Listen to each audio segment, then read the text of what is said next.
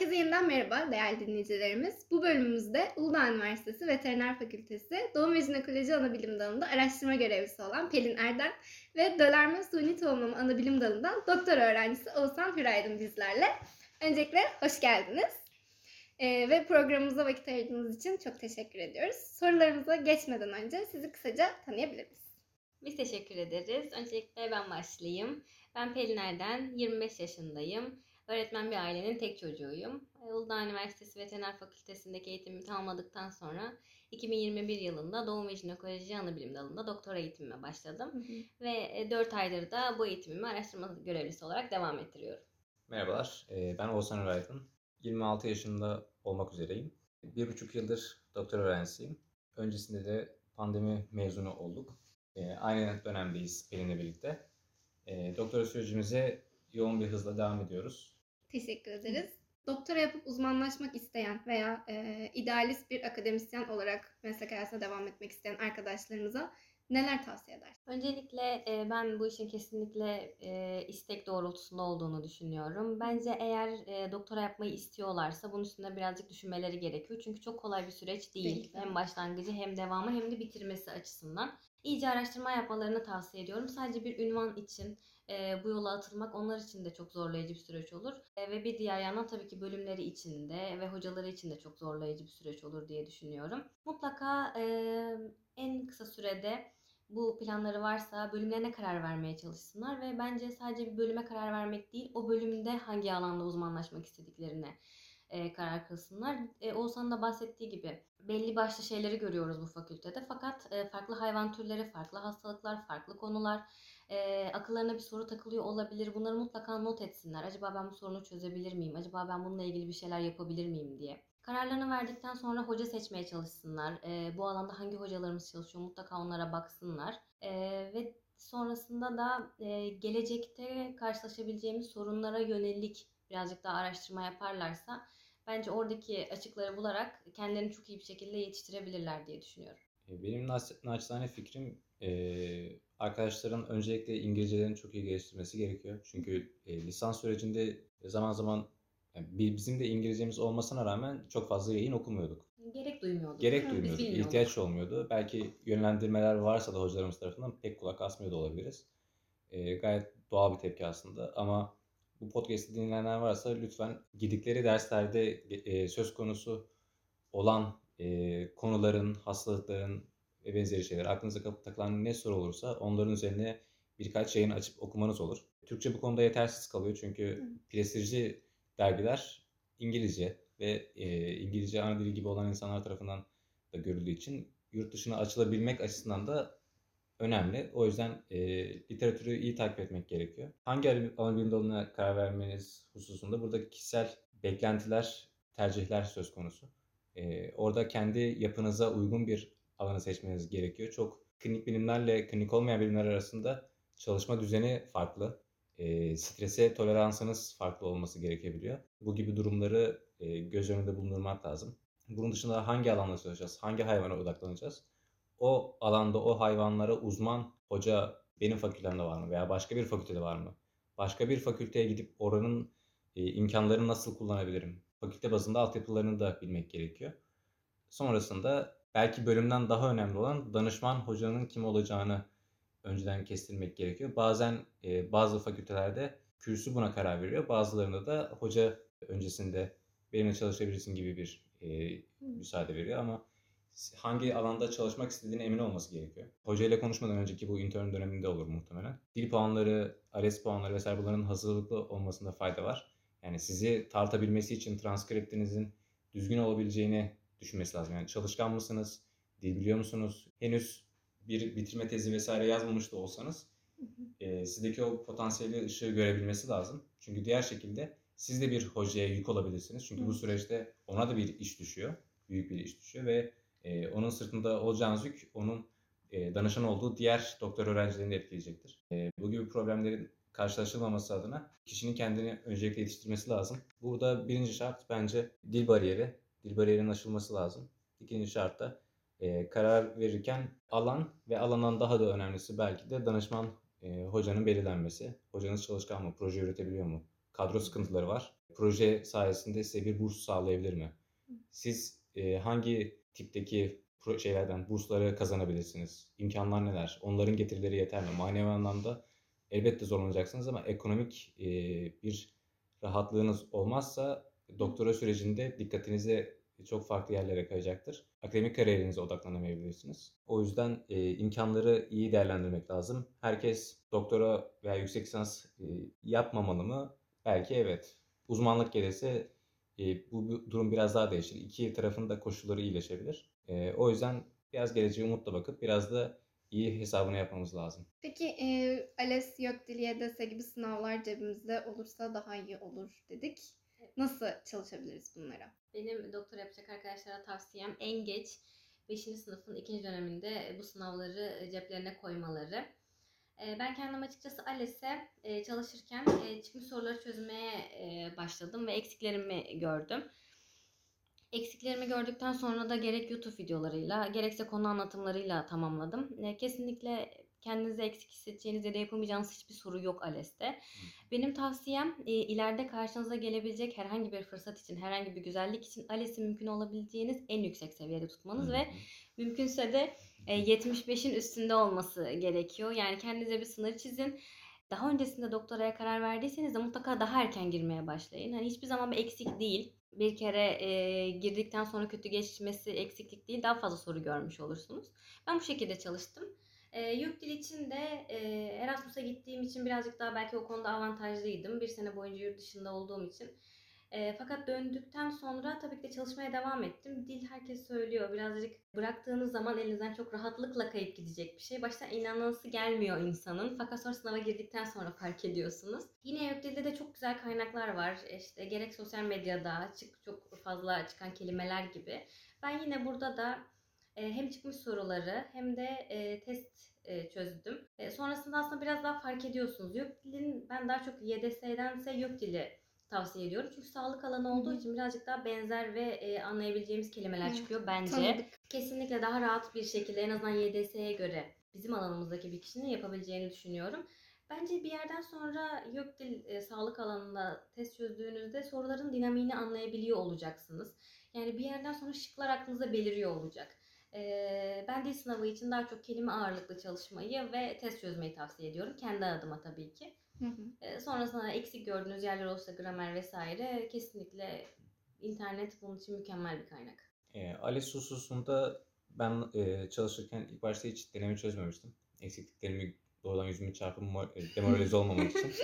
E, Güzel bir taktik. konu anlatımıyla başlayıp konular e, işte yarısını bitirdikten sonra bir deneme çözdüm ve e, şoke etti beni gerçekten. Sonra hem konu anlatımı bir taraftan devam ediyordum hem de e, deneme çözmeye devam ediyordum. Bu şekilde hazırlandım. Geçmiş senenin denemelerini çözdüm. Yani sahada, e, piyasada bulunabilecek denemelere hiç bakmadım bile. E, YÖKDİL ve YDS için de aynı şey geçerli. Pelin'in de dediği gibi YÖKDİL'de sağlık alanı olduğu için diğer e, fakültelere nazaran biz burada şanslıyız. Çünkü biyoloji okuyan bir insanın e, fizikten gelen bir e, metni anlaması biraz daha güç olabilir ama sağlık alanında bu söz konusu değil. Evet. Rahat bir şekilde anlayabiliyoruz. Terminolojimiz e, çok uygun olduğu için e, İngilizcesini hiç bilmiyor bile olsak o terminolojiyi biz anlayıp metin içerisinden cevabımızı çıkartabiliyoruz sadece anlayıp e, çözebilmek bir mesele değil. Burada soru tiplerini iyi bilmek lazım. Çünkü bir metot sınavı aslında. Bir yerde ALES gibi bu aslında. Çok iyi bir dil bilmemenize rağmen veya sizle rakip olan insanlardan daha az e, iyi biliyor olmanıza rağmen İngilizceyi metodunu biliyorsanız bu metotlar üzerinde kitaplar var. Onlardan çalışmışsanız soru tipleri hususunda daha iyi puanlar alınabilir Hı hı. çeşitli gramer konularında nasıl tipte sorularla çıktığını görebiliyorsunuz. E, bu önemli ama burada e, alınabilecek puandan sonra gerçekten o dili yetkin bir şekilde kullanabiliyor musunuz? Bu da önemli. Sadece ARES puanı ve YÖKDİL YDS puanları e, işte kadro, burs imkanları konusunda sizi listede yukarılara taşıyabilir. Hı hı. Ama makale yazma konusunda, literatürü tarama konusunda bu sınavların puanı sizin için bir önem arz etmeyecektir. Dilden e, bir miktar uzaklıkta olmasına rağmen e, ALES herhangi bir akademik başarıyı belirleyecek bir sınav değil. Diyebileceklerim bu kadar. Ama evet mezun olmadan önce puanların hazır olması gerekiyor ki dediğimiz gibi işte hocayla konuşmaya gittiğinizde puanların cebimde var ve böyle böyle puanlarım var. Hı hı. Çünkü hocanın yanına sadece siz gitmiyorsunuz. Evet. Belki ayda bir, iki ayda bir mail düşüyor. Farklı yerlerden de doktoraya başvuracak olan insanlar vardır mu- mutlaka. Sizin dışınızda da pek çok kişi hocanın yanına gidip "O- sizin yanınızda doktora yapmak istiyorum diyor olabilir. Aralarda tabii mülakata giriliyor ve bir tercihte bulunuyor danışman hocanız. Ama burada e, biraz daha ön planda olabilmek açısından puanların yanınızda olması gerekiyor bence. Burada birinci sınıf arkadaşlar varsa podcast dinleyen onların da bence sınavlara şimdiden hazırlanmalarını tavsiye ederim. E, Çünkü şu anda ALES'in de YÖKDİL'in YDS'nin de hepsinin geçerlilik süresi geçerli. 5 yıl ve e, ikinci sınıfta aldıkları bir puan çok iyi bir puansa ki fakülteye yeni girdikleri için e, çok daha taze oluyor bilgileri. Daha iyi puanlarla sonrasında e, tez yazarken ALES, YDS stresiyle uğraşmamaları da güzel olabilir. Erken kalkan yol alır bence. Hı. Tavsiyeler için teşekkür ederiz. Ee, aslında diğer sorumuzu cevaplamış oldunuz. Danışman hocamızı nasıl seçmeliyiz sorusunu. Onu es geçiyorum. ya da Burada tekrardan bir şey eklemek ister misiniz? Burada belki şunu ekleyebiliriz. Danışman hocamızı es- esasen biz seçmiyoruz. Bir yerde onlar e, bizim aramızdan karar veriyor. Çünkü Evet doğru. e, bizim elimizde pek bir yelpaze yok. Evet, birden fazla kişiye başvurabiliriz bu konuda. E, kendimizi belki ispatlamaya çalışabiliriz. Ama nihai karar onların oluyor. Çünkü onlar bizden çok daha tecrübeli, bizden çok daha farklı insanlarla karşılaştılar. Ve akademinin nasıl bir yer olduğunu çok daha iyi biliyorlar. Hem pozitif hem negatif anlamda. Bu yüzden onların yönlendirmelerini, tavsiyelerine cidden kulak asmalıyız. Kendinizi iyi tanıtabilmeliyiz ki ama burada kendinizi abartarak değil, kendinize ve karşınızdakine dürüst olarak ifade etmeniz lazım. Yetilerinizi iyi anlatmanız lazım. Dediğim gibi işte mesela dil puanınız çok yüksek olabilir ama dili gerçekten kullanabiliyor musunuz? Topluluk önünde konuşabiliyor musunuz? Ee, Bir uygulamada el beceriniz yeterli mi? Çünkü orada sadece kendiniz değil aynı zamanda danışmanınızı da Temsil, temsil ediyor olacaksınız. Belki bir kongrede kendi kürsünüzü, üniversitenizi de temsil ediyor olacaksınız. Ciddi bir sorumluluk aslında. Bunun için gerçekten insanın kendisini düzgün ifade edebiliyor olması lazım. Karşıdakinin yanlış anlaması ya da sizin onu yanlış anlamanız bir sıkıntı teşkil edebilir sonrasında. Şimdi yine gelen sorulardan devam ediyorum. E, doktorada işler nasıl yürüyor? Özellikle bazı üniversitelerde uygulanmaya başlanan Orpheus e, üyeliğiyle güncellenen yeni şartlarla bu süreç nasıl devam ediyor? Ders ve yeterlilik süreciniz, sınavlarınız, sunumlarınız, öğreniş ve bunu öğrencilere e, uygulamalarda aktarış biçiminiz, hocalarla olan ilişkinizi merak ediyoruz demiş bir dinleyicimiz. Bir de e, ek bir soru sormak istemiş. Özel sektörde bir müddet çalıştıktan sonra doktora yapmak mı yoksa okul biter bitmez hemen doktoraya başlamayı mı bize tavsiye edersiniz demiş. Ders ve yeterlilik sürecinden biraz bahsedecek olursam, e, yeterlilik sınavına girmeniz için yaklaşık olarak 60 e, kredilik bir e, ders yükünü vermeniz gerekiyor ve derslerimiz zorunlu ve seçmeli olarak ikiye ayrılıyor. Farklı hayvan türlerinde farklı konularla ilgili dersler var. Bunlardan istediğinizi seçebiliyorsunuz. 60 krediyle sınırlı kalmak zorunda değilsiniz. En erken 60 krediyi verdikten sonra en geç de 5. döneminizde yeterlilik sınavına girip sonrasında teze başlayabiliyorsunuz. Ee, biz de sınav oluyoruz. Ee, derslerimizin bazıları yapılıyor, bazıları yoğunluktan yapılamaya da biliyor. Sınavlarımızın sadece geçme notu biraz yüksek. Onun dışında kağıtlarımızı dolduruyoruz. Genellikle klasik oluyor bizim ana bilim dalında sınavlar. Ee, sunum olarak ikinci dönemimizde, e, isterseniz dördüncü dönemde de yapabilirsiniz ama bir bitirme ödevi tarzında sunum yapmamız gerekiyor. Seminer adı Seminer altında adı altında geçiyor. E, bunu da danışman hocanızla e, karar verebilirsiniz. Daha çok yeterlilik sonrasında yapacağınız tezle alakalı olursa tabii ki de daha iyi olur. Kendi ana bilim dalımızdan hocalara yapıyoruz bu sunumumuzu ve onların görüşlerini alıyoruz. Birazcık daha bu kendini ifade etmeyi öğretmenin bir biçimi aslında, bir ders gibi bir şey. Özel sektörde çalışmayla ilgili soruda da ben açıkçası okul biter bitmez doktoraya başladım. Ee, de- ama zaten bunu istiyordum. Yani özel sektör hiç aklımda olmadığı için bu şekilde başladım. Ama tabii ki e, özel sektörde çalışmak şu açıdan iyi olabilir. Önce özel sektörü görürsünüz. Oradaki eksikleri fark edersiniz. Sonra o eksikliğin üzerine doktora yaparsınız. Belki bu açıdan daha iyi ve etkili olur. Fakat o zaman da ara vermek birazcık sizi öğrencilikten soğutabilir. Buna çok dikkat etmeniz lazım. Çünkü bir yere gidip çalışıp e, maddi bir kazanç alıyorsunuz sonuçta. Daha bu sınav sistemini, ders işlerini bırakıp öğrencilere tekrar döndüğünüzde sınavlar, e, okul, hocalar birazcık sizi zorlayabilir. Yani en azından bir hocayla tekrardan iletişim kurmanız lisans dönemi bittikten sonraki gibi olmayacaktır. Yani araya bir unutma süreci giriyor. E, Fakat dediğim gibi bitirdikten sonra özellikle özel sektörde çalışmak istiyorsanız öncesinde de özel sektörde başlayarak eksiği bulup devam etmeniz belki de daha avantajlı olabilir. Ama dediğim gibi ben bunu deneyimlemediğim için e, benim önerim okul biter bitmez doktoraya başlamak. Ee, okulda e, lisansiyer öğrencilerin derslerine de katılıyoruz. Ee, hocalarımıza yardımcı oluyoruz burada. U- uygulama sınavlarında vesaire. Sınavlarda gözetmenlik de yapıyoruz. Kürsümüzün sınavlarında. Burada ciddi bir iş, iş yükü var. Hocaların e, yardımcısı olarak bir fiil vakit ayırıyorsunuz. E, kendi diğer derslerinize de katılmak zorundasınız. E, lisansta e, görüldüğü gibi doktor öğrencileri yatmıyor aslında okuldaki bazı memuriyetlerin de yatı, ya- e, yattığı yerlerden para kazandıkları düşünüyor ama öyle olmayabiliyor gerçekten. Ka- odalarına kapılıyorlar ama çok fazla evrak, iş- evrak işleri olabiliyor. O yüzden aslında sandığımız gibi olmuyor çoğunlukla. Farklı iş yükleri var. Hem kendi dersleriyle uğraşıyorlar. Vermeleri gereken dersler oluyor. Öğrenciye anlatmaları gereken e, yerler. E, okul dışında bir iş imkanı bulup çalışmak çok zor. Okulun e, devamı açısından çok zor. Açıktan doktora yapıyorken böyle bir problem olmayacaktır ama e, açıktan doktora yapanla içeriden doktora yapan arasında çok büyük farklılıklar var. Zaten her ana bilim dalı, her doktora programı ona da uygun değil. Ona göre de e, hocalarla konuştuğunuzda anlayacaksınızdır. Bir kadro mevzusu olduğu zaman dışarıdaki açıktan doktora yapan birinin de başvurma şansı var. Ama mülakat e, söz konusu olduğunda içeriden doktora yapan daha çok alana hakim olmuş oluyor.